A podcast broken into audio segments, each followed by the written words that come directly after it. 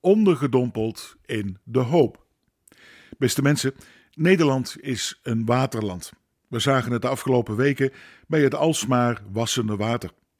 Het leverde naast angstige momenten en zandzakken ook prachtige waterrijke vergezichten op, bijvoorbeeld bij de rivieren. Water is zowel aan de ene kant prachtig om van te genieten, maar in een vooral laag gelegen polder als ons land ook een voortdurende strijd om het hoofd letterlijk boven water te houden. In de Bijbel staat water ook symbool voor de bron van het leven, maar ook voor de chaos en dreiging, waar waterstromen van de zee of rivieren niet te keren zijn en het land kunnen overstromen en overweldigen. Denk maar eens aan de beroemde geschiedenis van de ark van Noach, toen de hele wereld onder water stond. Het is dan ook niet zo verwonderlijk dat die overweldigende watermassa ook het beeld kan worden van wat je in het leven zelf kan overkomen en je kan overweldigen. Deze week startte Sieren zelfs een actie voor hoop en het zien van lichtpuntjes in je leven.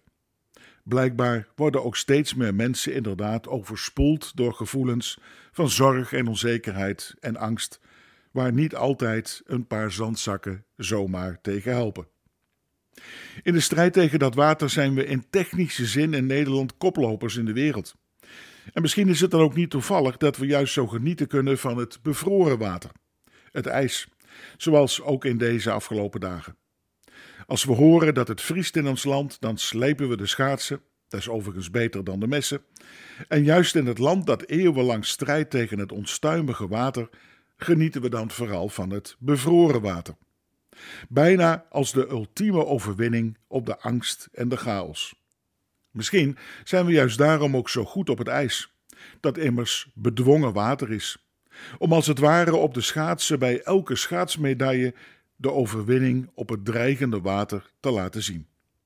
Hoewel in de Bijbel weliswaar geen schaatsen voorkomen, horen we van het begin tot het einde wel vaak over het symbool van het water, als een oerbeeld. Van zowel leven, maar ook van de angst en de dood. Het is dan ook niet toevallig dat de evangelist Marcus zijn beschrijving van de geschiedenis van Jezus begint bij de doop door Johannes de Doper. Marcus begint als het ware bij het water, bij de rivier de Jordaan, wiens water vruchtbaarheid aan het land gaf, maar ook symbool stond voor het water van gevaar en waar een mens letterlijk kopje onder kan gaan. Johannes doopt Jezus dan in de Jordaan. Een gebaar dat tekenend zal zijn voor Jezus' komst naar deze wereld.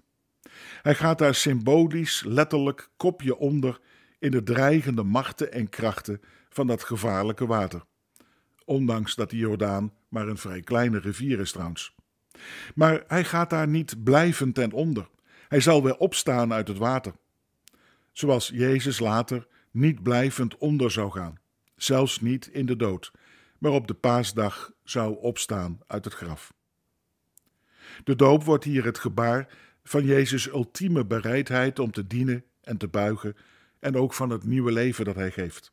Het water dat immers ook reinigend werkt en als beeld is ook van de vergeving. Als Jezus dan gedoopt wordt, verschijnt er een duif als teken van Gods geest. En er klonk een stem uit de hemel: Jij bent mijn geliefde zoon, in jou vind ik vreugde. Een prachtige belofte zo aan het begin van het nieuwe jaar, ook voor ons vandaag, waar zoveel onzekerheid en angst is in de wereld, maar misschien ook wel in je eigen leven.